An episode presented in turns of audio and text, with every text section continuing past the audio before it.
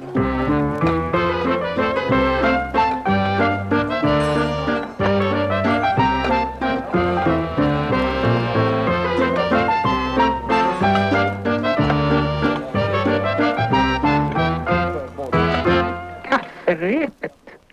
och hjärtligt välkomna ska ni vara till ett nytt avsnitt av podcasten Kafferepet. Med mig Nils-Henrik Louis Hallberg, tidigare Almström, Johanna Hurtig Wagrell och Albin Sårman Olsson.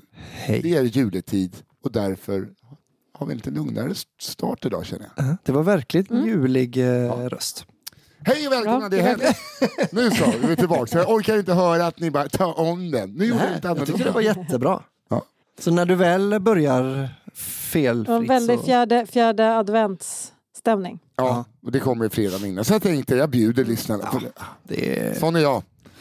Sån är jag. Hur mår Johanna? Du är inte med oss eh, i, hemma hos mig idag, eller vi är inte hemma hos dig heller Nej. för den delen. Jag, alltså jag har, eh, ni hör, jag är lite så här eh, raspig på rösten. Det har blivit värre under dagen. Jag har hostat och haft ont i lungorna. Det är inte Oj. ett bra tecken. Nej, Jag har beställt hem ett test. okej. Mm. Men eh, den nya Johanna vi känner, vi trodde hon sket i det. Ja, hon var ju så Ja. tuff och inte trodde på sjukdomar längre. Men nummer, nummer ett så har läget i samhället ändrats. Det får man vara med på. Fan, du har fått tillrättavisning av någon. Säg inte sådär Johanna, Nej. det är inte bra för business.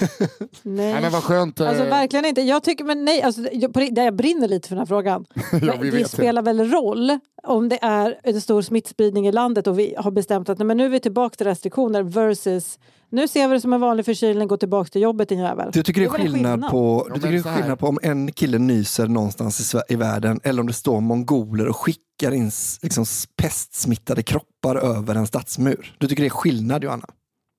Mongoler, vad fan kom det? Jag har inte hört? Det var världens Jag första känner inte att jag vill vara med på den här icke-PK. Det är väl inte han- Det är icke-PK? historia. Ja, det är historia. Det är den så här världens första sån, eh, vad heter det, chemical warfare. Och skickade in eh, pestsmittade över stadsmurarna. Ja. Ja, jag förstår det. Men det, var, men det, var, det råkade vara mongoler den här gången. Det, Det var ju tur att det inte var bengaler för då hade vi slutat ett skämt av Berad Ruspe. Ja, det var väldigt, väldigt Men skönt. Johanna, det är skönt Ja. för mig att du är nykter idag. För när du blir lite full, då känns det som att du regelrätt hatar mig. vad skämtar du? Du, nej men, fan, då kommer de rätta känslorna fram. Jag, jag, känner, mig, jag känner ett hat. Nej, Men menar du att, att Johanna var spetsig det? Senaste cigarr? Senaste cigarrummet var jag lite, lite slirig. Ja, det var lite spetsiga. Det var så här, eh, Ja. man, man känner på Robin Hoods Robin Hoods pil, udd, och tänker man så här, oj är det en sked? Så spetsig var du. Ja.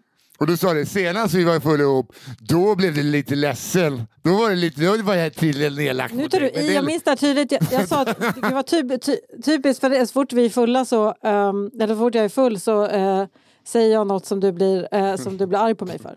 Är så, här, så fort vi är fulla så slår jag dig. Nej, jag skojar. Men jag var väl inte så elak? Vad sa jag som var så elak? ingen, nej men du är men det var inte elakt, det var blicken. Det var blicken, det var blicken av Ja, förakt. Den kan, den kan jag inte ta ansvar för. Men Så jag så ena... här, Jag ber om ursäkt. Jag så känner jag så här, det där, ja, ja, det får väl vara så. Mm. Ja, vi är arbetskamrater. Jag känner inget hat mot dig när jag är full. Det är bara när jag är nykter som jag hatar dig. Men det är också... eh, Det beror lite på vilket, ö, vilket av ögonen, av Johannas ögon man tittar på när hon dricker också. Ja. Ena ser ju mycket argare ut. Det ser nästan ut som att du är för, arg då. Men den andra ser ju Ja. väldigt snällt. Två öl och det ser ut som att Ja. du har långt gången borrelia. Ja. Nej, men mitt ena öga lägger ner. Alltså om jag är trött och eller bara lite full så är det ena ögat som bara okej, då var det dags för mig att checka ut. så, Men du känns som att du borde vara riktigt jävla trött och du och eh, din make var två Mm. nätter i New York. ja. Mm. Jag är, nej, men jag är det. Gud ja. Men, eh, men det var också det var fantastiskt. Då välkomnar vi aningslösa influencers till lyssnarskaran. Ja. Ja. Eh, men, men, Ah. men, men, men. Ja, för er som eh, undrar, ja, jag, jag kör det här lite snabbt. Det är inte en pladderpodd, ni är stjärnorna, ni som lyssnar är stjärnorna i kafferepet. Ni skickar in historier från ert liv, saker ni har hört, sägner, rykten, om någon gammal jöns som bara sprang ut och kletade bajs på olika hönor i grannområdet.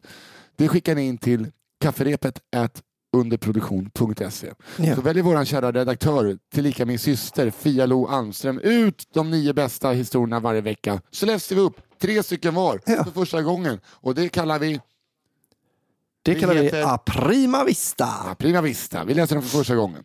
Eh, och sen beslutar vi vilken historia som blir eran att nyttja. Ja. Den som blir allmängods, den som blir den nya råttan i pizzan. Det här hände min polare. Den Mm. historien. Ja. Och nu har vi många Alltså den vi sådana. fick förra veckan, Ja. den har jag berättat för kanske fem pers nu. Ja. Eh, jag kommer inte ihåg vilken. Alltså den jag verkligen, jag har använt den mycket. Jag tycker den är toppen. Vilken var nu det? Berätta den för mig lite snabbt. Den eh, eh, på Åland, superhistorien, han som ja, sket ja, sig i ja, handen och gick ut i baren och slängde den på golvet och då sa barägaren Gör det där en gång till så åker du. Och det roliga då vi insåg att det var inte skita i näven som var gör det en gång igen. Skiter själv i näven och tappar det på golvet en gång till. Då Ja. är det du som har druckit din sista Då är- Carro. Ja. Det är så jävla... Det är, så- ju mer otrolig intrikat. historia. Ja, den är faktiskt helt Ja. Kort, magisk. snärtig, svängig. Men det, de kan vara långa. De kan vara långa. Vi har ju fått historier som, bara man, som lämnar en med frågor och, Mm. och eh, bara så här, vad, är, är någonting värt något? Ja. Ja. Som men- historien om Ja. fönstret på husgaven. Ja. Den berörde mig. Ja, mig med. Alltså, långa kan vinna lika väl. Ja. Det är ingen tävling så, utan det är mer vilken som är check att ha i bagaget. Det Ska är bättre att skicka Exakt. in, eh, ut, det, ni behöver inte tvivla, utan sen sitter de där, Mm. poddens egen Dr. Mengele och väljer ut vad som Ja, det är kanske lite grova referenser idag. Du har rätt Johanna, både jag och Nisse. Jag har mina Jag slutade andas lite. lemlästade mongoler över... Ja, ja, men hatar ni historia så. Nej, jag, jag tycker den ska upprepas. Eh, och eh, så här, jag kan klämma in också, jag nämnde att Johanna var bitsk, spetsig och full senast. Men va, och det hörde inte jag i förra avsnittet. Nej. Nej. för att det var i vår systerpodd som heter Cigarrummet. Eh, där vi bjuder in kända svenska eh, och andra lite mer okända humorister som får berätta om sitt liv och sina upplevelser. Robin Berglund som var med i decembers avsnitt måste ändå vara en av Sveriges absolut bästa poddare. Ja, Alltså, otroligt. Så eh, man, eh, man känner för honom och man eh, älskar honom. Han Ja. är fantastisk. Han är rolig och sympatisk. Ja. Otrolig kombination. Eh, vill ni bli pre- prenumeranter av Cigarrummet så gå in på underproduktion.se, knappa in på Cigarrummet så kostar det 29 kronor i månaden så får ni ett avsnitt i månaden och alla de här gratis avsnitten också. Då. Exakt. Och det finns det säkert tio avsnitt där snart. eh, jag ska fråga bara, tycker ni att jag ska svara på kritik som har nått mig angående podden eller ska vi bara köra på som vanligt? Jag tycker du ska ta upp det så kan jag bli förbannad. Ja. Ja, det var en kille, han, han är, hör av sig ganska ofta och, säger, och tackar för podden. Så det här är liksom Ja. ingen han tycker den är bra då. Men så var det nu senast så sa han, ja, en grej bara, ni har börjat prata, ni börjar avbryta historierna extremt mycket. Ja, det Eh, och eh, det var om. bättre, det gjorde ni också i början väldigt mycket. Det var Ja. bättre däremellan. Jag tycker att det lite är så här att vi har ingen uttalad, vi har inga uttalade antal minuter vi avbryter. Utan det är mer att man tror att man har något kul att säga så säger man det. Så jag Ja. tror inte att... det har jag- avbrutits mer. Ja, det har det, men jag tycker också att det har varit roliga avbrytningar. Alltså, det är lite synd om vi skulle lägga band på oss själva och Nej, missa men, något. men som jag ibland säger ifrån, nu får ni vara tysta. Ja, Så får man göra. Ja. Ja. Jag fortsätter den här historien. så kan det man absolut Och göra. jag tror Men att det går lite, det är lite dagsform. Ibland kanske vi avbryter mer och ibland kanske vi avbryter mindre. mindre.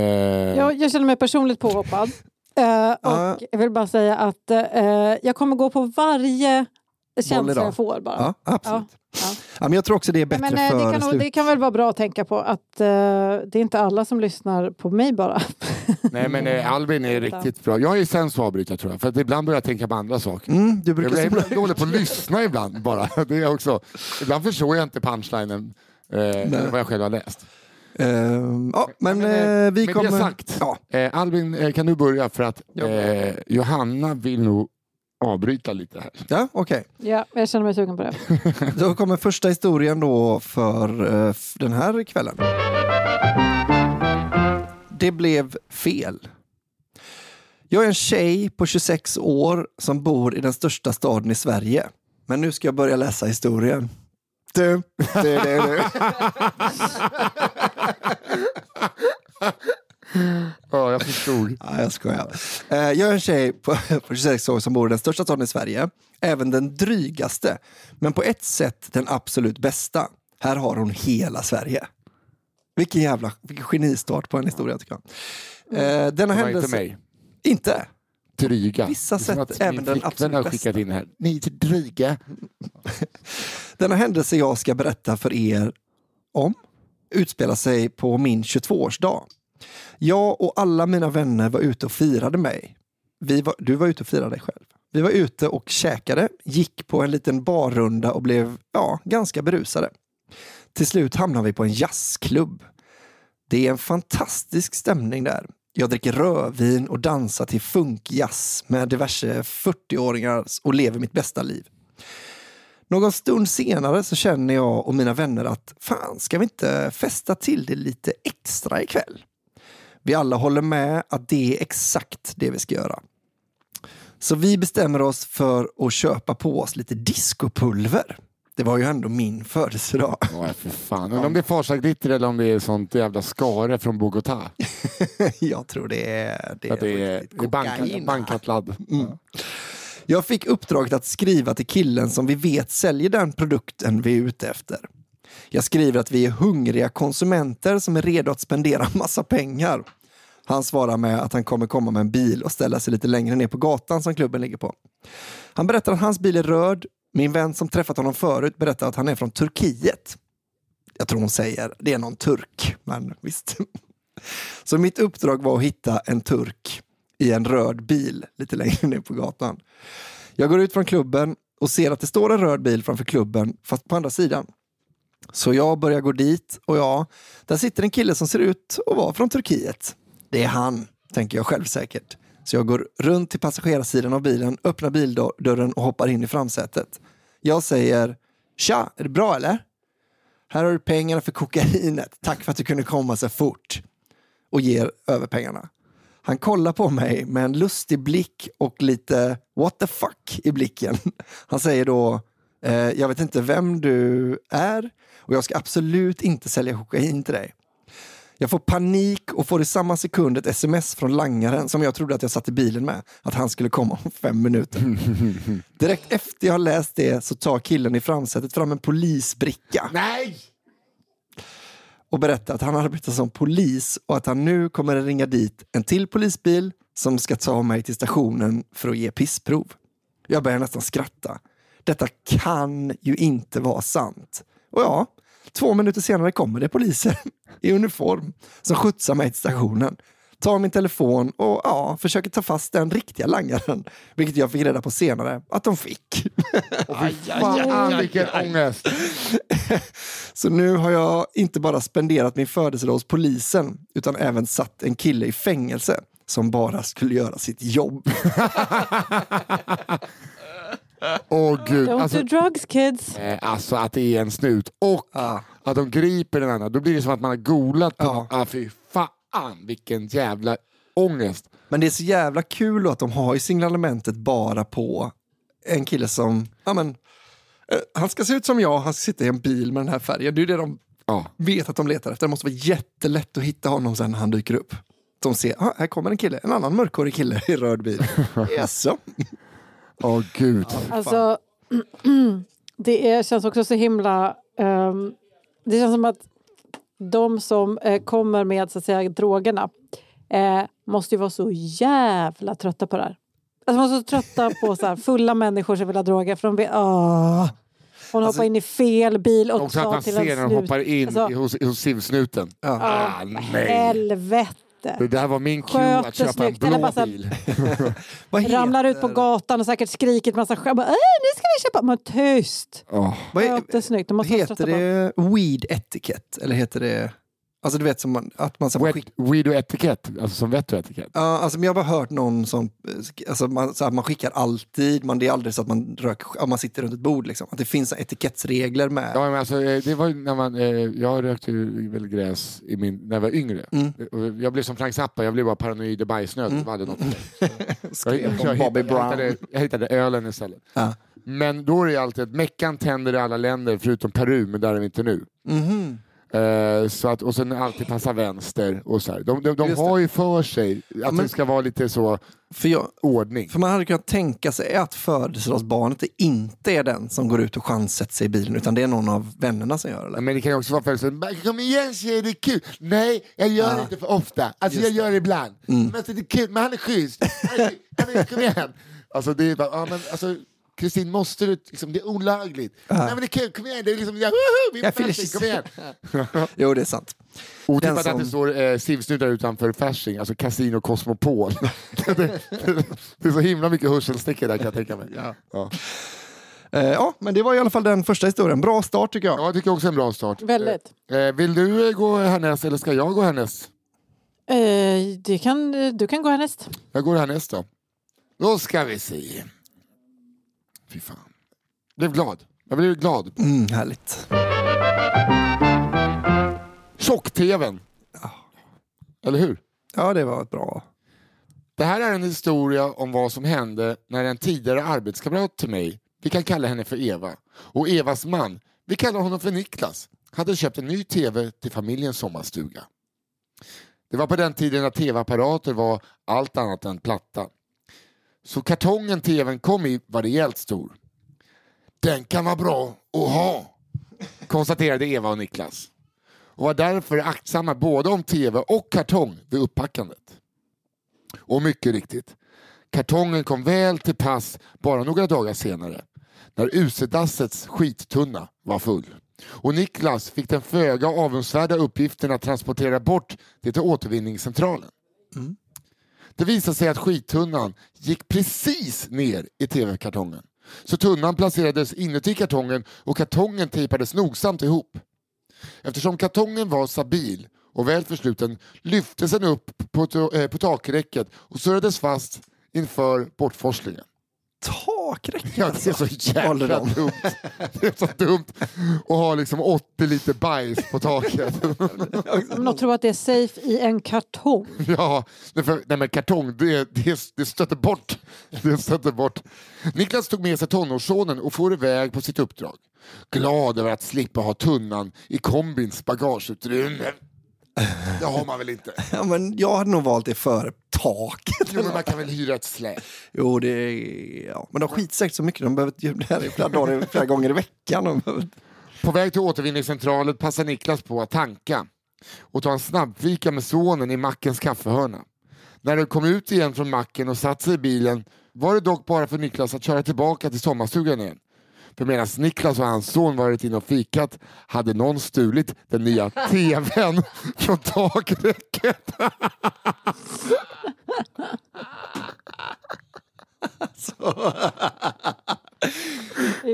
Fan, Det var det typ det bästa jag hört. Det att alltså, det allt han gjorde hittills var ju helt rätt. Att vi Alltså- bara, nej man borde, ha det, man borde ha det i bagaget. Nej, det här var ju bara helt rätt sätt att göra det på. Då Jag vet vi. Vi måste på något sätt... I med liksom- bajset är något som ser dyrt ut och så bara på på taket. Vi måste sprida den här podden mer i tjuvkretsar, för man Ja. vill ju höra den här historien från den andra.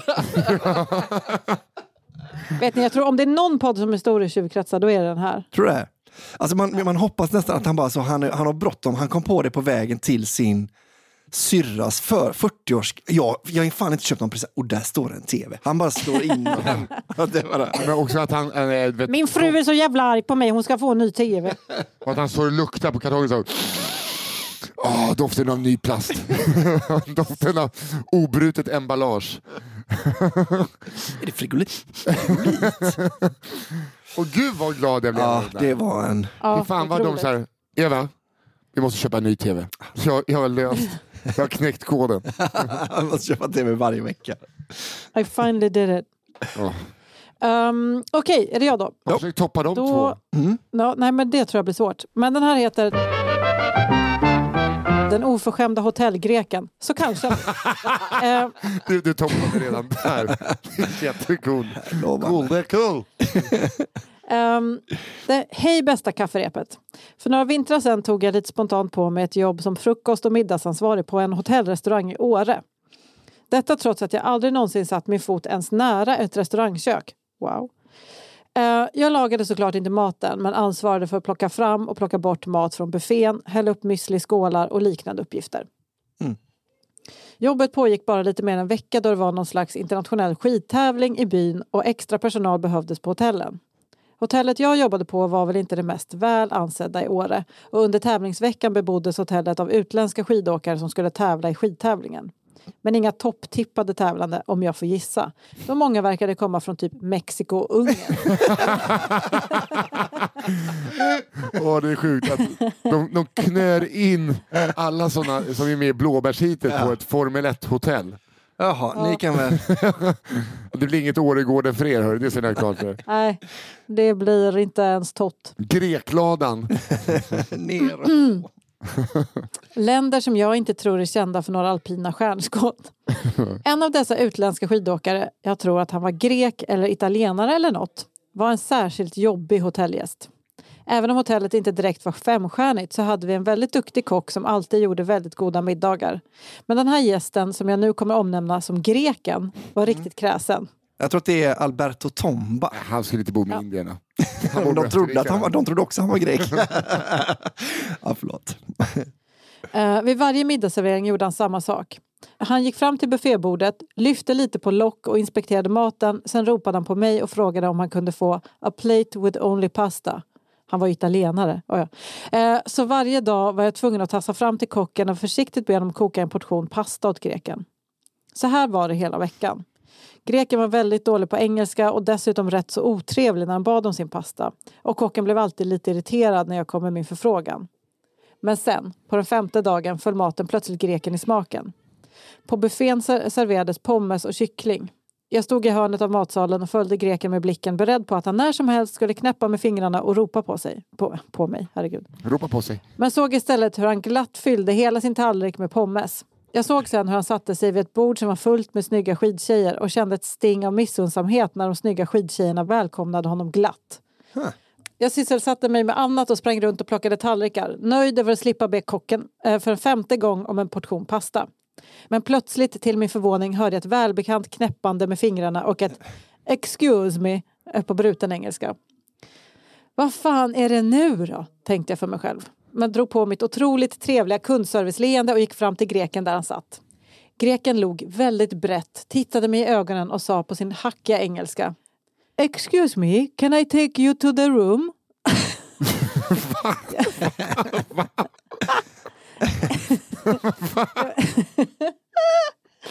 Okej. Eh, jag blev... Alltså din dialekt och den frågeställningen är perfekt. Jag blev helt ställd av frågan och tänkte att jag måste ha hört fel. Så jag ber honom upprepa. Än en gång svarar han lugnt. Can I take you to the room? jag som är totalt socialt okapabel vet inte vad jag ska svara så jag ber honom upprepa en tredje gång. Då tittar han på mig som att jag är dum och pekar på mig samtidigt som han högljutt upprepar. Can I take you to the room? Min hjärna får här kortslutning. Eftersom jag bara är 20 år gammal och på ett jobb jag är helt ny på så är jag väldigt osäker och ständigt överdrivet trevlig mot mina gäster. Men det här var bara för ohövligt. Av någon anledning säger min hjärna åt mig att lösa det här lite citat käckt. Så jag sätter ena handen på höften, drar på mig ett lurigt leende och svarar Haha, I'm sorry but I am not on the menu.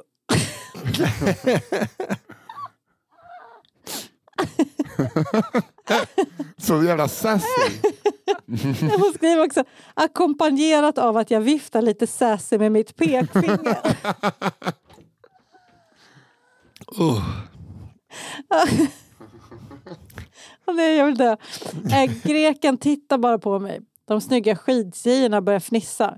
Greken får något väldigt förvirrat i blicken och skakar på huvudet.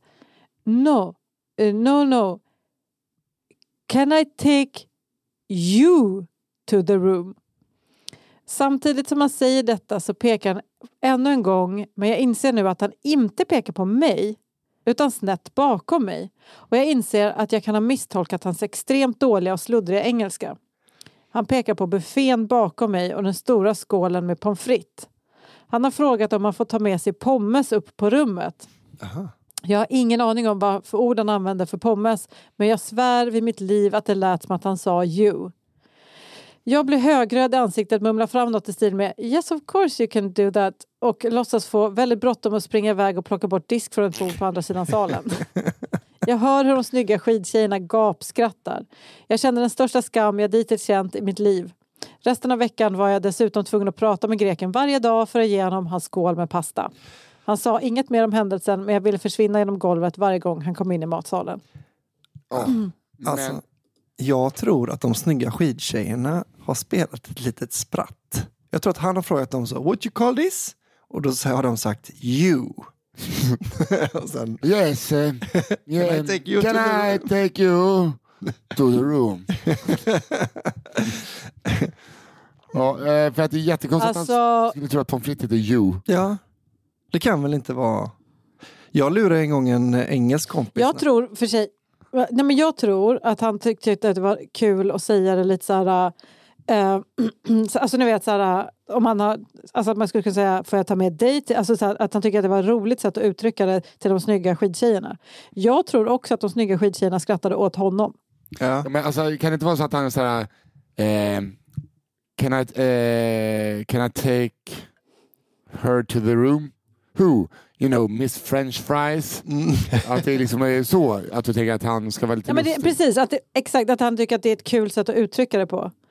Uh, men jag take this uh, lady to the room, alltså typ lite Ja. så. Eh, och då eh, skulle han fråga henne samtidigt som han skulle säga det sådär roligt och jag tror verkligen att de snygga skidtjejerna bara tyckte att han var lökig och garbade åt honom. Ja. Men jag tycker det är världens roligaste skämt är ju att lura en utlänning fel, alltså att man lär dem fel på Ja, svenska. det är kul. Alltså jag lärde mig av min engelska kompis att eh, tack hette äntligen. så när vi var hemma hos mina föräldrar. Och så han sa, excuse me, uh, can you pass the potatoes please? och så skickade morsan potatisen och sa han, ah, äntligen! Jävla drygt. Åh, vad roligt. Jag, jag får låna den. Det är jätte, jätteroligt. Det är otroligt kul. Men det var också ro- alltså, hennes svar, att hon bara No sir, I'm not on the menu. Ja, men fan, hon, alltså, en bonus Roligt. borde hon ju få för sin professionalitet. Alltså, så här, det är ju verkligen, att inte skälla ut honom. Vem tror du att du är grejen liksom, utan bara så, nej Ja. du grabben, inte den här gången. Det var ju snyggt löst. Ja, det var verkligen. bara att han inte kunde prata ordentligt. Ja, Mm. precis. Albin ska eh, eh, ta en story. Jag måste bara gå och fjösa snabbt. Jag är jättekissnödig. Ge mig 30 sekunder. Det är fan jag redan ja. Fort det går idag. Mm. Vi avbryter inte varandra, det är förmodligen därför det kan vara det. Kissa. Nej, nej för fan, nej, nej, nej, nej. Utan nu kör vi, Olsson är, Olsson är on fire. ja, ja, ja, jag Ja. svettas ut allt. Jag har inte pissat på sex veckor. Alltså jag kissade ut en kopp cappuccino nu. Så jävla vätskebrist har jag. Oh. Pocherade ägg alla Orust. Ska ni få höra på alla Orup. De stammar. Äggstamning. jag skulle säga det. I bilstereon hördes en gäll stämma på nygöteborgska berätta om helgens fadäser på gymmet. Så tokigt det kan bli där på gymmet. Det är tur att morgonradio finns. Håkan har ännu inte druckit kaffe. Bakrutorna på den lilla firmabilen är fortfarande immiga av nattens dagg och när Håkan kör upp på Tjörnbron och kikar ut över havet syns älvdansen på sjön under honom. Okej, paus. Det här är det vackraste jag hört. Det är verkligen... Och det, vi som har åkt över den. Oj, oj, oj, oj. Broarnas bro. Det är kul om det bara är så. Det Håkan inte vet det är att bron är väldigt rasig. det här är bara en sån jättesorglig historia. Håkan är egenföretagare med inriktning på hydraulik tillhörande tunga fordon. Just denna morgon som tidsmässigt utspelar sig någon gång mellan 1980 och 2000-talet Det är så himla sann. är Håkan på väg till en liten gård på Orust. Väl där ska han laga en traktor. Håkan glider in på gården en kort stund senare, parkerar framför huset och möts av bonden. Det är en glad liten gubbe som bor där med sin gumma. De har kreatur och bedriver en småskaligt jordbruk som små gubbar och gummor gjort i alla tider. Håkan följer med bonden till traktorn och undersöker problemet. Gubben förklarar hur det gick till och passar på att berätta lite utav varje när han ändå är i farten. Sådär som små gubbar gjort i alla tider på alla små gårdar. Samtalet slutar hur som helst med att Håkan konstaterar att han vet vad felet är och att det är lätt löst. Gubben är nöjd. Oklart om det främst är för att han har fått dra ett par av sina favorithistorier redan innan frukost eller om det är för att Håkan kan lösa hans bekymmer. Kom in på frukost innan du åker vidare, säger gubben. Det märks att det är på Orust och inte Tjörn här. Kom in och kör frukost. har han sagt. Eh? Kör, Körbo ja. Ja. Vet du vad man säger? Om, om en smålänning hamnar på en öde ö så överlever han. Om en körbo hamnar där så blir han fet. han är så jävla om sig och kring sig, körbo. Eh, Kom in på frukost innan du åker vidare, säger gubben. Håkan tackar glatt ja. Han har ett digert schema och vet sällan på förhand hur lång tid alla jobb kan tänkas ta. Han tar sig an traktorn och löser mycket riktigt vad det nu kan för, ha varit för fel på den och går in till det väntande frukostbordet. Doften av nybryggt kaffe möter honom i dörren. Här bjuds på kokkaffe. Den fylliga, aromatiska doften slår mot honom med samma styrka och ömhet som en far.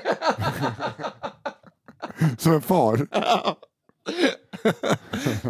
Någon den här författaren tror att alla får stryk av sin farsa.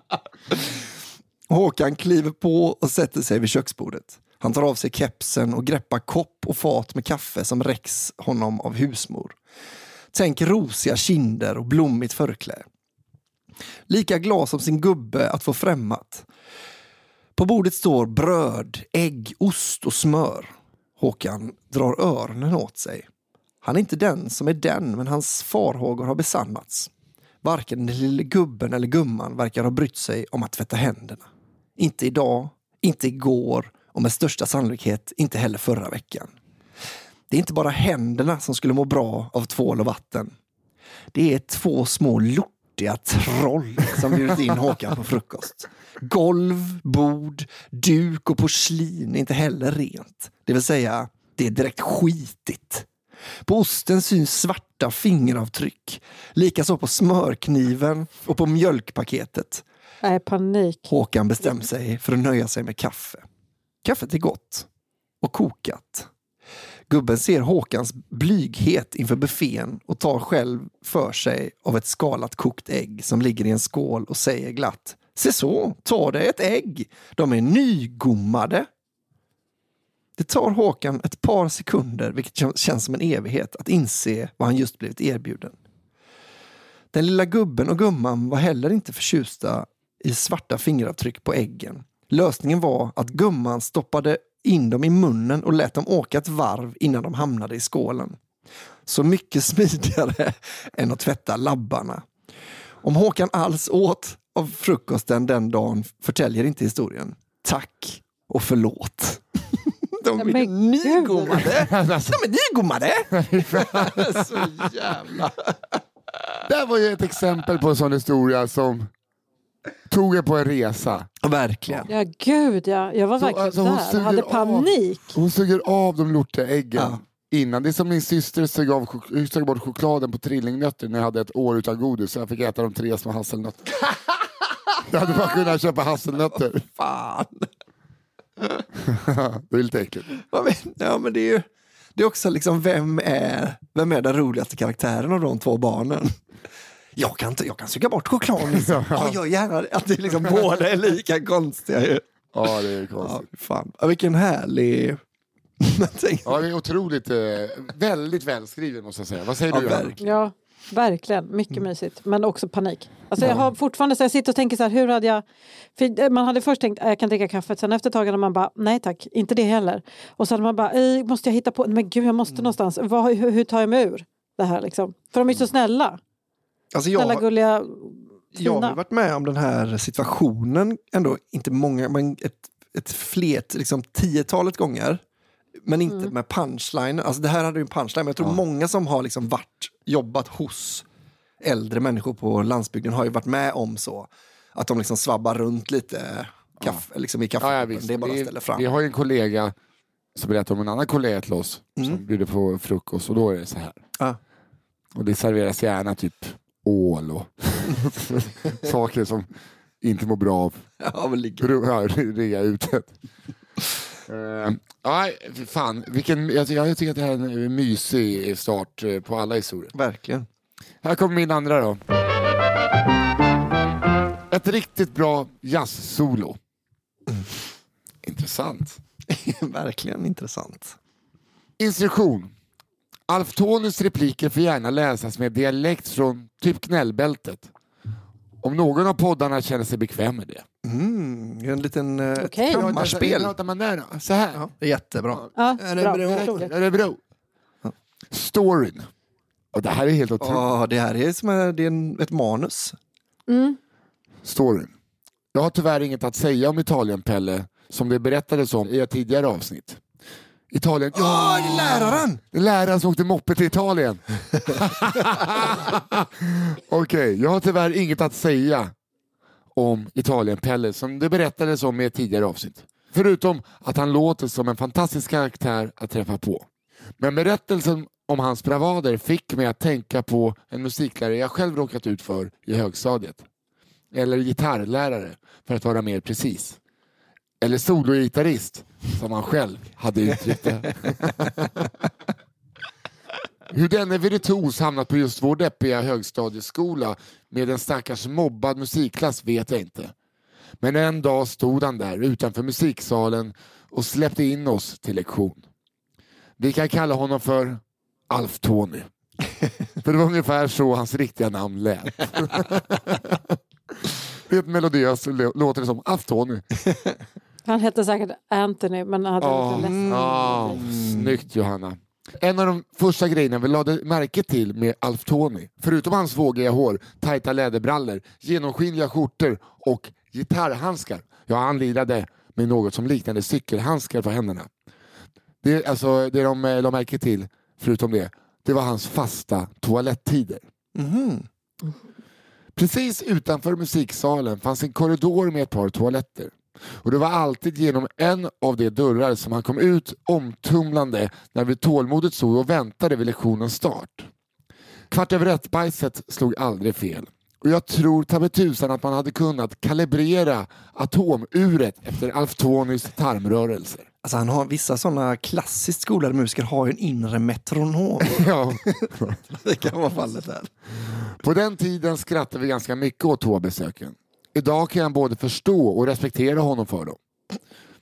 Ändå starkt att konsekvent fortsätta göra nummer två på just den toaletten, just den tiden, vecka efter vecka, när det samtidigt stod ett gäng bröliga gitarrelever utanför. Hur som helst, till musiken. Alf Tony gjorde snabbt klart för oss att han var jazzmusiker och att det var det som gällde på hans lektioner. Vi som mest ville spela skatepunkt fick inget gehör. Det var jazzstandard efter jazzstandard på repertoaren. Och repertoaren, den var satt. Det var inte heller så att vi direkt fick lära oss någonting på hans lektioner. Alf Tony inledde nämligen varje pass med att säga förlåt, beordra. Kompar ni, så spelade jag solo. och så satt vi där och drog samma ackordföljd om och om igen. Allt medan Alf Tony gick loss med handskarna glidande över instrumentets hals i en gitarrunk deluxe i pentatonisk och mixolydisk skala. Sen var lektionen Perfekt för honom att få betalt som lärare för det. Ja, eller ja, hur? Underbart. Och tror jag ja.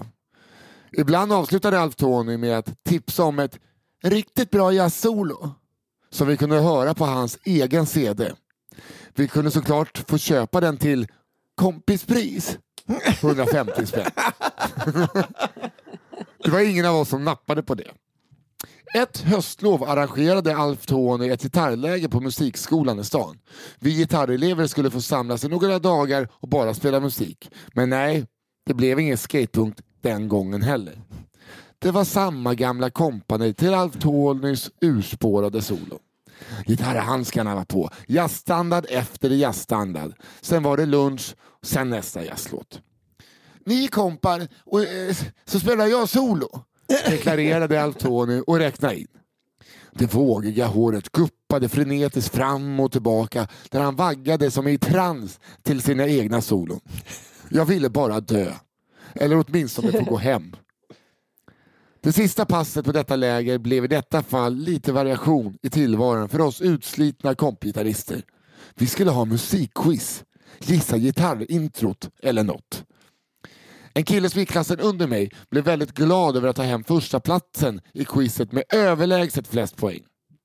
Innan vi gick hem meddelade Alf Tony att han bara skulle springa iväg och hämta priset. Sen skulle denna utdragna upplevelse äntligen få sitt slut. Ni kanske kan gissa vad det var för första pris? Kan det ha varit en skiva? Just Det. Alf Tonys CD med ett riktigt bra jazzsolo. Man kunde se besvikelsen i vinnarens blick när det gick upp för honom vad han skulle få med sig hem. Samtidigt som Alf Tony redan med pennan i hand frågade Vill du att jag skriver in min autograf? Ja. Oj, oj, oj. Historien om Anthony, Ja. det kan vi nästan gissa att han hette. Ja, eller Antonio. Ja. Men eh, ja, Anthony kanske är ju Eh, närmare. Halvt. Jag eh, uppskattar mycket de här dåliga lärarhistorierna. Ja. Det är också att man, bara, man är verkligen med i rummet. Vad heter det? Att han bara liksom... att han spelar tapping-solo medan han sitter där med sina akustiska gitarrer och spelar... Men det, det, är också, alltså, det är ju såklart Alf Tony som är den galnaste, men den näst galnaste är väl författaren som gick på lägret. Ja, Jag vill gärna gå på det här gitarrsololägret. Men han måste ju hålla uppe hoppet för, om liv. Liksom. Jo, Det är väl det. men så här i efterhand så är det tur att det finns sådana som Alf Tony så att inte de här jävla ungdomarna får spela Blink 182 eller något det är annat faktiskt jävla sant. pissskit. Alltså, jag gillar ju inte jazz. Älskar men- Blink 182. Don't give me that crap. Nej, det, det, det sjuka är att du gör det och det, Ja. vet du vad Johanna? Det gör att avståndet mellan dig och mig, det bara växer. Ja. Nästa gång ni är fulla kommer det bli sånt jävla slagge. Ja, men jag, eh, kommer aldrig fan vara vad det full kommer bli med, jag kommer aldrig vara full med Johanna. Inte om hon Jag tycker, om, jag tycker om henne för mycket för att utsätta våran relation för det. Vi har ju sagt att nästa firmafest så är det Johanna som DJ här. Det blir bara Millencolin och American Idiot-plattan. Ja, gud ja. Life on a plate och American Idiot. Nu blir det Jesus of Suburbia igen. Eh, Men Nisse, vi kommer absolut vara fulla ihop med er. Ja. Eh, kanske om du kommer på min premiär, då kommer jag vara full för första gången på en månad. Jag ska berätta för dig vad jag ska göra på din premiär istället. Vad säger du då? Eh, Det tar vi en annan gång. Okej. Spännande. Men jag hade gärna gått och jag rekommenderar alla att köpa biljetter. Jag hade så himla, himla, himla jag kan säga gärna så här, kommit. eh, vi har, Innan vi fortsätter, vi är mitt uppe i rep nu, det är därför jag är lite trött. Och det blir, Mm. Det blir fantastiskt. Mm. Ja, men det kan jag verkligen tänka mig. Måste ju bli. Ja. Det är världens bästa idé. Men hörru du, eh, nog prat nog om mig. Har du en liten Men vart hittar historia? man biljetter? Nisse, säg bara vart man hittar biljetter först. Ja, man hittar biljetter på nissahallberg.se. Det finns eh, väldigt få biljetter kvar, lite ströbiljetter till premiären. Sen har vi fler datum. Men det är premiären man vill gå på, det är alla Mm. coola. Där kan det skita sig ordentligt så ni får skratta åt misslyckandena. Ja. Otroligt. Ja. Okej, nu kommer min eh, andra då. Ja. Och det är Rö-Rune. Ja. Undrar om Ja. den är från Rö utanför Rimbo. Rö- är det ett ställe som heter Rimbo. Rö? Ja. Ray Rune. Jag tror han Eh, jag tänkte berätta för er om en händelse från min barndom. Utspelad någon gång i början av 80-talet i ett litet småländskt samhälle. Ni vet, en sån där Emil i Lönneberga pittoresk småländsk liten håla med blomstrande ängar, hästar i hagarna, steniga skogar, varma badsjöar och bybor som givetvis pratade utpräglad småländska. Perfekt, det här gillar jag. Mm. Bybor som Bengan som snusade men inte kunde säga S. Jölle på torpet som var stor som ett hus men hade en liten liten fru. Och min farmor, den vänaste lilla tant med sitt gråa hår i en knut i nacken. Han som snusar mycket, så han, när han ska köpa snus så vill han nu. Nu. Ja. nu. Ja, han, han köper alltid en, jag kan ta nu. en do, doa nu. Ja. Alla tror alltid att han har så bråttom att snusa. nu, nu!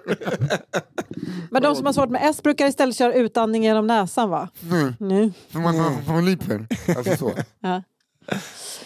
Min farmor, den vänaste lilla tant med sitt gråa hår, en knut i nacken, händer hårda av års hushållsarbete, bullbakande, syltande, saftande och rensande av allt eh, den prunkande trädgården levererade, men också med den mjukaste och varmaste famn att sjunka in i. Där var vi ofta om somrarna och jag älskade det. Just den här sommaren var vi där samtidigt som mina kusiner och deras föräldrar var också där. Dagen som detta utspelade sig lekte vi barn inomhus och de vuxna stökade i köket. När vi plötsligt hörde hur farmor pep till ett litet försynt Ute i hallen. De vuxna rusade dit, oroliga för vad som stod på med gamla farmor. Farmor var förtvivlad. Hennes handväska med den lilla bruna portmonnän som rymde de få slantar hennes lilla pension erbjöd som alltid låg på sin plats i garderoben i hallen var nu borta. Borta. Puts väck. De vuxna började leta efter handväskan. Kanske hade den bara hamnat någon annanstans. Snart hade man letat igenom hela huset men inte någonstans fanns handväskan. Nu grät farmor. Pappa och mina farbröder var upprörda. Vart kunde handväskan tagit vägen? Farmor var bombsäker på att den legat på sin plats i garderoben tidigare under dagen. Eftersom det inte stod att finna någonstans i huset måste den enda logiska förklaringen vara att den var stulen. Givetvis var den stulen. Någon måste ha passat på att smita in i huset när ingen såg och helt fräckt tagit min snälla farmors handväska. Kom ihåg, det här var ju landsort på 80-talet. Här låstes inga ytterdörrar om man inte typ reste utom socknes. Min pappa och farbröder hade nu rätat upp sig ordentligt. Någon hade ju bestulit deras mor mitt på blanka dagen. Vem kunde vara så genomrutten och illvillig? Så kom de på det. Det måste vara Rödrune såklart. Såklart det är Rödrune. Det var självklart Rödrune som varit i farten igen. Rödrune. Vi har ju en tjuv i byn. Ja, det är Rödrune. Ja, vem är tjuven? Det är Rödrune såklart. Rödrune var byns skräck. Med sitt yviga röda hår, därav namnet antar jag. Ovårdade, lika röda skägg och omgiven av rykten om kriminalitet och skumraskaffärer och därtill sedan länge alkoholiserad sågs han på som farlig och opålitlig. Givetvis var han den skyldige. Nu var pappa och mina farbröder övertygade. Hur kunde han? Så typiskt, den där gamla alkisen var så fräck. De var nu ordentligt uppjagade och bestämde sig där och då för att ta lagen i egna händer. Hur rädda de än var för Rödrune och skipa rättvisa för min stackars rånade farmor. Arga och med bestämda steg klampade de således bort nerför vägen till Rödrunes hus. Där fick vi höra efteråt att hade de stormat in och högljutt beordrat en som vanligt onykter Rödrune att omedelbart ta fram stöldgodset. När Rödrune förvirrat och oförstående hävdade att han inte fattade vad de snackade om hade hans pappa och hans bröder helt sonika stövlat in och rivit igenom hela Rödrunes hus. Vilka, vilka fascister! Ja. Ja. Stackars Rödrune hade stått helt förundrad och sett på. Säkert undrande om det var verklighet att fyra karar gick bärsärkans hem efter en tanthandväska eller bara ett vanligt delirium. Pappa och hans bröder hittade dock ingen tanthandväska hos Rödrune. När han kom tillbaka hem till farmor satt hon skamsen på sin säng med handväskan i famnen. Den lilla handväskan som vi nyss trott var stulen av en kriminell alkis hade hittats av min mamma i frysboxen i källaren när hon skulle hämta upp köttfärs till middag. Nej. Det visade sig att farmor inte alls var något brottsoffer utan bara i början av en demens.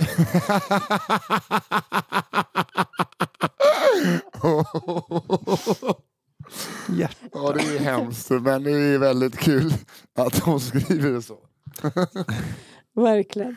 Ja, jag fick ont över mina polyper i magen. Istället blev den stackars Rödrune brottsoffer i denna historia som fortfarande får min pappa att skämmas över hur hans fördomar tog över sans och vett en gång på 80-talet i en håla någonstans i Småland. PS. Tyvärr blev det inte bättre sen för varken farmor eller Rödrune. Den ena tynade bort på demensboende och den andra råkade under ett rus fjutta eld på sitt hus och brann inne. RIP farmor och RIP Rödrune. Två hjärtan. Ja, men, det är så typiskt. Eh, kunde man lämnat ut det hemska? Vilken, Vad, vad ja, hemskt att downer Rune också blev dement. Ja, jag vill bara be om ursäkt för det här vi gjorde under på 80-talet. Eh, vadå för något? Han har glömt. Han har fan glömt. Ja, för fan, jag vill bara be om ändå- ursäkt för att vi förstörde ditt hem. Det är lugnt, jag är död och kåken brann ner. Åh gud. Ja, Ja, att punchlinen blir att ens farmor är dement, det, det är också ett sätt att... Ja, jag uppskattar det mycket. Det var en sån klassisk, häng med på den här lilla story. Ja, Mm. Att man får titta in i någons liv bara så snabbt. Ja, exakt. Albin sista då? Ja. En kunglig entré. En kompis till mig, vi kallar honom Joel, är uppvuxen i en liten stad en timme från en större stad. Staden har en liten citykärna, men om du åker 20 minuter åt något håll så befinner du dig på landet. De barn som bodde lite utanför staden gick låg och mellanstadiet ute på landet, men när det var dags för högstadiet fick man alltså ta skolbussen in till city för att gå på den stora högstadieskolan. Så var det där jag växte upp i Kalmar också, så Exakt där så känner här jag jag igen. upp också. Mm. Detta var spännande. Att börja högstadiet i den lilla staden betydde alltså nya kompisar från närliggande landsort. För lantisarna betyder det storstan. Vilken härlig mix. Sommarlovet mellan sexan och sjuan gick och det var dags för Joel att börja högstadiet med en massa nya elever från de olika byarna. En av de nya kompisarna var en kille vi kan kalla Rasmus. Han var klassiskt störig högstadiekille, högljudd med mobbaraura. Men han visste hur man skulle göra för att skapa en riktig kingig myt om sig själv. Nåväl, det är början av terminen, fortfarande spännande med de nya bekantskaperna. Joel sitter på veckans första lektion. Det är engelska på schemat, alla är där. Ja, alla utom Rasmus. Samtidigt som lektionen drar igång stannar Rasmus buss på busstationen. Det är en promenad på cirka 10 minuter till skolan. På vägen till plugget går han förbi en ICA-butik. Rasmus smiter in på affären. Han har en plan.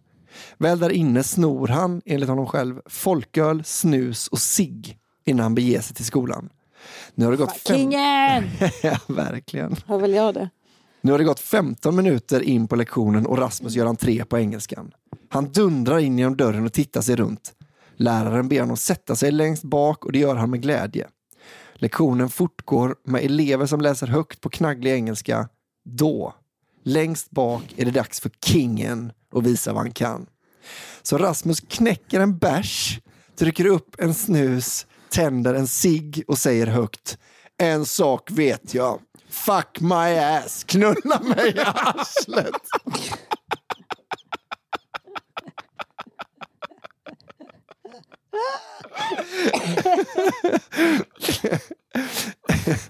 Det blir... Otroligt. En sak vet jag. Fuck my ass, knulla mig i arslet. Det blir tyst. Alla tittar på Rasmus som efter sin deklaration reser sig upp, tar sitt stöldgods och traskar stolt ut från lektionen som en kung.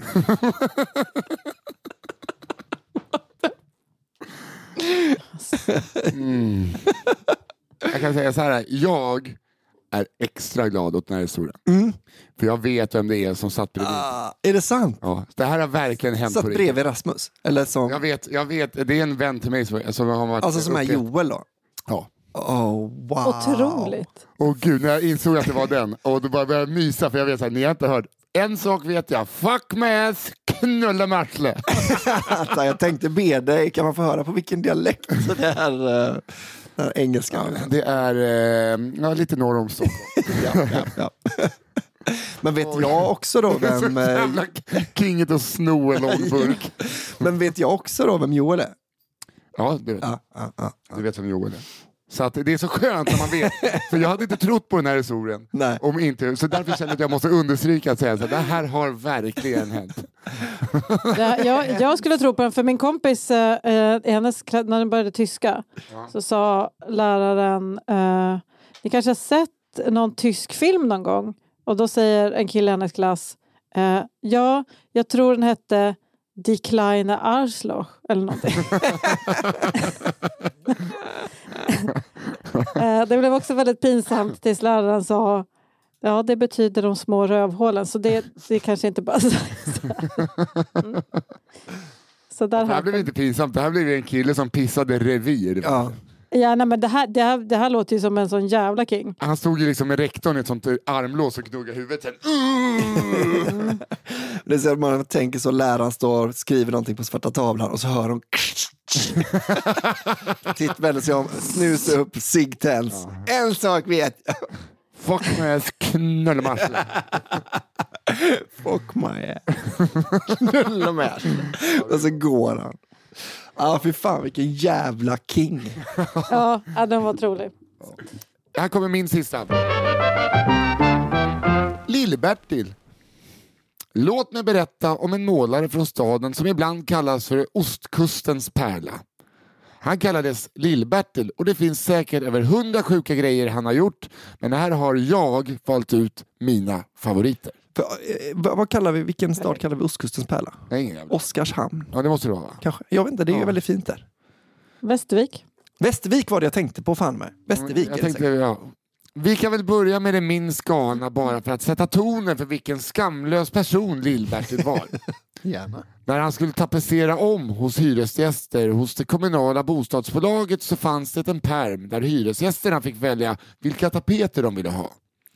I den så hade Lill-Bertil skurit ut alla tapeter med mönsterpassning eftersom han tyckte att det var för jobbigt att sätta upp tapeter med mönster. Jaha, han hade tagit ut dem ur pärmen. Här har vi gul, vit, röd, blå.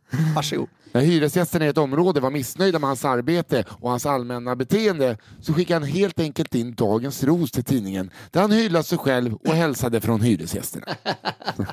Var det en kick? Ändå snyggt. Det får man säga. När han kom hem efter jobbet på eftermiddagarna så hade hans fru alltid ställt upp garageporten så att han slapp kliva ur bilen och göra det själv.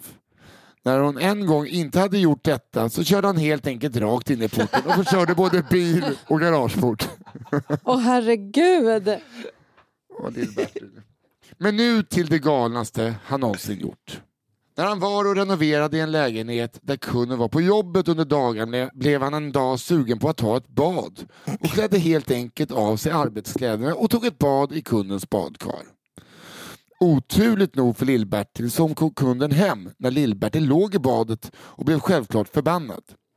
Hon kliver in i badrummet och får syn på en naken Lill-Bertil i sitt badkar och utbrister Vad i helvete håller du på med? Lill-Bertils respons är det kallaste och mest skamlösa jag någonsin hört talas om. Han tar upp kundens tandborste och räcker fram den till kunden och säger Ska du stå där och kolla eller ska du hjälpa till att tvätta mig på ryggen? Vilket, Gud vad obehagligt. vad i helvete? Nej men jag hade blivit livrädd. Men vad ställd man hade blivit. Vad, vad, Ja. vad, vad, vad sa... Det är psykopat. Han är psykopat. Ja, ja. livsfarligt. Han var ju charmig när han körde in genom carporten. Det tyckte jag var lite gulligt. Ja. Ja, hon har glömt öppna. ja. Får väl jag öppna den då? Och sen kommer han använda det emot sin fru. Ja, vi har ju ingen bil längre och ingen carport heller. För att det var någon som glömde öppna den. Mm. Så, men nu går den inte öppna längre. Kärringjävel. Ja, herregud. Ja, det var, det var Lill-Bertil det. Kort och koncist. Herregud, jag eh, tror vi ska rädda hans fru. Ja. Låter det som. Jag tror att de kan vara Fy döda. fan vad obehagligt. Åh gud. Men är mycket, jag är mycket road. Okej, eh, ska jag köra sista här nu innan min röst lägger ner fullständigt? Ja, jag hör att du börjar tappa. Ja, det börjar ta slut. Okej. Den heter miljonhästincidenten. Miljonhäst. Häst. Ja. Mhm. Hirst. Hirst. Jag är uppvuxen i en liten, liten ort på landet precis bredvid en gård med travhästar och tillhörande verksamhet. Vår granne var vid tillfället en 45-årig man med barn i mina yngre syskons ålder. Han hade en guldgruva till häst som säsong efter säsong drog in miljonbelopp. Men hästen hade börjat bli till åren kommen och det var i grevens tid att avla på henne för att fortsätta dra in storkovan på hennes otroliga gener. Detta skulle ske genom inseminering av väl utvalda pengahingstsperma. Och kalaset kostade 10 000 kronor. Sagt och gjort, miljonhästen blev på smällen. När det var dags för förlossning kommer fölet ut utan puls. Nedslående givetvis, eh, framförallt eftersom travverksamheten hade börjat gå allt sämre på snabb tid. Med stjärnskottet, gravid och så vidare. Vår granne gav dock inte upp hoppet. Han gjorde ett nytt försök. Denna gång kostade insemineringen 20 000 kronor. Fölet kommer ut dödfött. I allt mer stress över att ha misslyckats att avla på en av Sveriges absolut mest lukrativa travhästar. Förlåt, jag vill bara pausa och säga, nu förstår ni hur jag kände när jag fick missfall. Eh, Men du är väl verkligen inte en av Sveriges mest lukrativa? Nej. Jag tycker, jag tycker jämförelsen, den håller. Eller jag menar, så här kände Johan. I allt mer stress över att ha misslyckats att avla på en av Sveriges absolut mest lukrativa travhästar. Det är kul att han bara, nej, nej, kosta vad det kostar vill, jag måste, jag måste göra det igen. Ja. Exakt. Bestämmer han sig för att göra ett tredje försök. Det går på den goda notan av 30 papp. Vad fan är det här för jävla, alltså det, det är ju något sånt pyramidspel. Ja, ja, han ampar upp spermakvaliteten för varje gång. Eh, fölet är dödfött. Fan. Vid det här laget är det grav ekonomisk stress som råder på gården och superhästens fertilitet börjar sina. Grannen tar sina sista pengar och satsar en sista gång. 40 000 för ett fjärde försök. Fölet överlever inte förlossningen. Va? Vår granne bryter ihop. Vår granne gråter. Vår granne har panik. Vår granne är på gränsen till konkurs. Och vår granne bestämmer sig för att ge upp avelsförsöken. Min styvmamma och grannens fru bestämmer sig för att hålla en liten begravning för det fjärde dödfödda fölet. Antagligen för att försöka ge hela cirkusen ett värdigt avslut. Barnen samlas vid angiven tid. Själv var jag inte närvarande eftersom jag var 20 år och upptagen med att försöka ligga med indiepopkillar i närmsta storstad. Starkt. Ja, starkt som fan. Men mina syskon på 6 och 8 samt hästgårdsgrannarnas barn på 5 och 7 hade fått i uppdrag att plocka lite blommor till ceremonin. Medverkande var även hästägaren i fråga, hans fru, min styvmamma samt the villain in this story, min pappa. Kort beskrivning av min pappa. En praktiker, motsatsen till känslomänniska, vissa skulle kalla honom empatilös. En man som skrattar som hjärtligast när någon ramlar och slår sig. En bondpojk i grunden som gjort lite av en klassresa genom stenhårt arbete och absolut den i mitt liv som ger de absolut stelaste kramarna. Okej. Eh, tillbaka till begravningen av en liten död häst. Min pappa hade fått ett uppdrag. Det uppdraget var att sänka ett stenblock över den lilla graven som var utgrävd med fölets lilla kropp vilandes i. Detta mest på grund av att min pappa har en grävmaskin. Inte så mycket på grund av att min pappa överhuvudtaget är någon som man egentligen vill ha med på någon slags begravning. Scenariot är att fyra små barn, två moderliga gestalter och en gråtande hästkusk på bristningsgränsen alla står samlade kring den lilla, lilla, lilla döda hästen för att ta farväl. Medan min pappa typ sitter och rensar naglarna upp i sin grävmaskin. Något barn läser en dikt. Den gråter en skvätt. När de alla är färdiga får pappa signalen om att lägga stenen ovanför graven. Och det är här allt går snett. Framför ögonen på travägaren som just gett upp allt hopp om en ny moneymaker och framförallt framför ögonen på fyra små barn som står redo med sina små blombuketter lyfter min pappa stenblocket. För det i position med hjälp av skopan och släpper det från två meters höjd.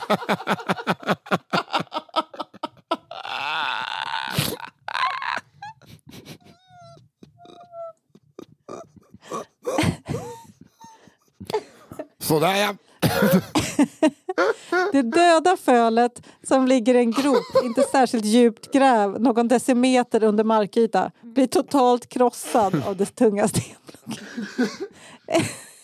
av det tunga stenblocket. Enligt mitt vittne som är min styvmamma skrek vår granne rakt ut och föll på knä framför graven medan hans fru i, i panik skriker åt barnen Släng bara blommorna ovanpå stenen, släng blommorna bara! Barnen förs därifrån illa kvickt och min styvmamma hävdar än idag att hon fick torka blod från mina syskons pannor i timmar efter incidenten. wow! Och man vet att pappa när han släppte den så var det så här, ja då tar vi lunch. Ja, Det han bara. Åh, vad trodde du skulle hända när jag släpper ett stenblock på en död häst? Jag, tror, det sprutar blod. Jag tror också att han tänkte att alla skulle bli imponerade av hans eh, grävmaskinschip. Liksom. Att han bara, Rätt i. kolla på det här. Jag kan bara, härifrån vet jag precis. Liksom. Gud. Wow. Ja men eh, Mhm. så himla hemskt när det bara det kommer massa döda föl. Blir man ledsen. Alltså, jag tänkte först när de sa boven i den här historien. ja, jag trodde att han hade liksom- gjort någonting. Ja, att han hade liksom matat hästen. Ja, jag, jag, jag, alltså, jag är glad att lyssnare och Johanna slapp se blicken Albin fick. Ja. Den här... Nej. Hopp, nej, men alltså, det var ju som att du så här, hoppas var han som dödade. Det var den blicken, det var en ond Damien. Damien. Men det var mer för att det så här, då är det ju då är det ju liksom mm, extremt brottsligt. Alltså, Ja, då, hade då är det någon som har golat ner sig. Då kan jag gå ut och ta reda på vem detta är såklart. Ja, ja, fan. Nej, fy fan. Wow. Oh, wow. Ja, han, eh, han gjorde hästfärs. kan man säga. Ja, Åh fy fan vad kul. Ja, det här... eh, fölsfärs. Vilket, jag vill lite annorlunda avsnitt. Jag uppskattade det här väldigt mycket. Avsnittet. Mm. Väldigt med. välskrivna historier. Otroligt. Ja, ska du börja Ja. Albin? Vad läser du? Eh, Jag läste Det blev fel. Eh, Det var ju då en tjej som skulle köpa kokain av vilken mörkhårig kille som helst i en röd bil. Lite lätt så generalisera. ja. Eh, Sen var det pocherade ägg alla Orust. Det var alltså att man gommade äggen innan. Nygommade ägg. Och då en kunglig entré. Mm. Eh, Det är ju den här eh, fuck my ass, knulla mig. Också helt jävla otrolig. Jag hade ju tjock-tvn, de som såg i... eh, Just det. Vilket avsnitt alltså. Ja. Sen Ja, fy hade fan. Alltså det är bara bangers. ett riktigt bra, eh, ett riktigt bra jazz-solo om eh, gitarrläraren Alf Tony. Och sist men inte minst hade jag Lill-Bertil. Just det. Jag kommer inte ihåg. Bad, Jag kommer faktiskt inte ihåg. badan eller? Nej, vänta. Vad fan? Jo, han som badade och skulle tvätta sig på Ja just det, Lill-Bertil, hans sista eh, värv var att han eh, badade hos kunden och skrubbade ryggen med Läskigaste mannen i Västervik. Exakt. Johanna? Ja, jag hade den oförskämda hotellgreken. Ja. I'm not on the menu. Eh, Rödrune om ett eh, fascistiskt övergrepp Just på det. den små- småländska. Där, där alltså Och begynnande eh, punchlighten var demens och att två personer dog. Ja. Ja. Ja. Eh, och sen hade jag också miljonhästincidenter. Och den pappan Välfärds. är ju en, eh, det är ju en filmroll. Den Ja. Alltså, det är Ja. en otrolig Ja. karaktär. 100 procent. Eh, ja, det är ju lite väl många att välja från egentligen. Jag, Ja, jag känner så här. Eh, den jag eh, nominerar då från mina som är bäst att återberätta, det är ju tjock-tv. Mm. Eh, ja, ja, Ja. verkligen. Otroligt. Kanske då en kunglig entré. Den här tyckte jag hade något alldeles extra. En kunglig entré, alltså Ja. den här eh, knäcker en Ja. bärs. Ja, den, är ju, den är ju verkligen fuck med knullemarsle. Eh, det, det är också punchigt. Men alltså jag kommer ju, oavsett vad ni bestämmer nu, jag kommer liksom aldrig lyssna på er eh, om detta. Jag kommer, ju, jag kommer ju berätta den här historien med hästen som att den är min, oavsett om den vinner eller inte. Den är ju, Ja. den är helt fantastisk. Alltså, den, Den är som gjord för dig också, liv. Ja, precis, det Ja. är verkligen... Det hade kunnat varit ute eh, i Lycke. Ja, Ja. lätt. Och det hade kunnat vara Det hade lätt kunnat det vara hade din kunnat vara pappa, pappa som sätter sig. Ja, den tycker jag är, ja den är, får ju min röst eh, i alla fall. Mm. Johanna, vad känner du? Men jag vill också slå, slå ett slag för hon som outade sin eh, dealer. Men, Ja, ehm, men jag tror nog ändå att jag håller med. Albin, Alltså, är det... jag, jag kan åka på hästen. Jag älskade hästhistorien. alltså verkligen älskar jag. Och jag kan inte rösta på den som jag vet en vän har skickat in. Det är, det är, liksom, det är partiskt. Mm. Alltså den Jag, var... ber, jag berättar ju den historien eh, säkert 20 gånger om året ändå. Ja, just det. Du behöver inte den. Ja. Jag behöver inte den. Den min. Men sen, vi där. hade en till också som var så jävla bra som ni sa. Vilken var, jo, jo, jo, just det. Hans med eh, toadas. Alltså, alla de här är så otroligt ja, otroligt. lätta att att berätta vidare om man vill berätta vidare. Den är så jävla feelgood att någon stal hans skit. Jaha, då åker vi hem. Ja. Då åker vi för, förbi tunnaffären och köper en ny. Nej, men alltså, grejen är, man, eh, det är med bra storytelling så kan eh, nog gemene man eh, dra av hästhistorien. Mm, det tror jag med. Ja. Eh, men vad, Ska vi det- köra alltså, häst, du- hästhistorien? Men eh, om inte du vill någon annan? Eh, nej, men jag, kan gå, jag, kan, jag kan verkligen gå ombord med den. Men jag kommer eh, berätta vidare eh, de tre andra också. Ja, alltså det, det kanske är ett sånt. Men eh, den man liksom med våran välsignelse då kan berätta vidare. Ja. Vi kan ju liksom inte Ja. kontrollera om folk berättar Nej. eh, bajstunnehistorien. Nej. Nej. Men eh, Men det är på, de tre är på pallen i alla fall. Men Ja. vi måste ha en vinnare och hästen ja, ja. blev det. För att jag, bara att se eh, Albins genuina skratt, det får mig att... Bara, ja. Ja, Alltså, ibland när man ser Albin Olsson riktigt glad över en historia, då har man en vinnare. Det kan vara historia nummer ett, jättelängsamt, Men- första avsnittet. Det är klart. Vilken jävla resa det. Om det är någon som har en Eh, historia, då, vart, ska man, vart ska man skicka den? Skicka den till eh, kafferepet at underproduktion.se Mm. så kommer eh, den komma till vår redaktör Fia Lo Almström. Eh, och skicka in, hon ber alltid om nya. Eh, kommer eh, Fia ta emot den och sen spelar vi in och skickar till Daniel Aldermark på One Touch Edit som är vår eminenta klippare Och och, tänk- jingelmakare. Tänk på det nu, jag vet att det kommer ett avsnitt på självaste eh, julaftna.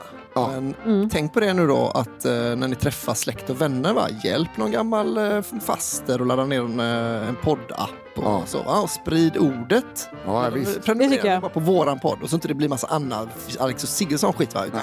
Nu är det bara det här, det här som är podd då för en hel generation. Vi vet, ju att det, tillsammans? vi vet ju att, eh, här vet vi att det kryddas historier. Ja, Eh, det är inte som med Alex och Sigge, Nej. de, det bara kryddas och det Nej. inte nämns. precis. Exakt. Här, eh, här eh, berättar vi det och vi är stolta över det. Ja, här ljugs det. Ja, det gör det. Och här är det också med en tjej. Just det, vi har med en tjej eh, också. Ja, men Hon är ibland också Beter feminist. sig som en eh, man när hon är full. Det vill säga ett jävla I did not rape you Nisse, okej? Vad heter det? Nej men hörni, Inte alla tack för den här veckan. Trevlig helg. Ja. Ja, Trevlig kul helg. år Johanna och välkommen hem. Tack. Hej då! Hej då!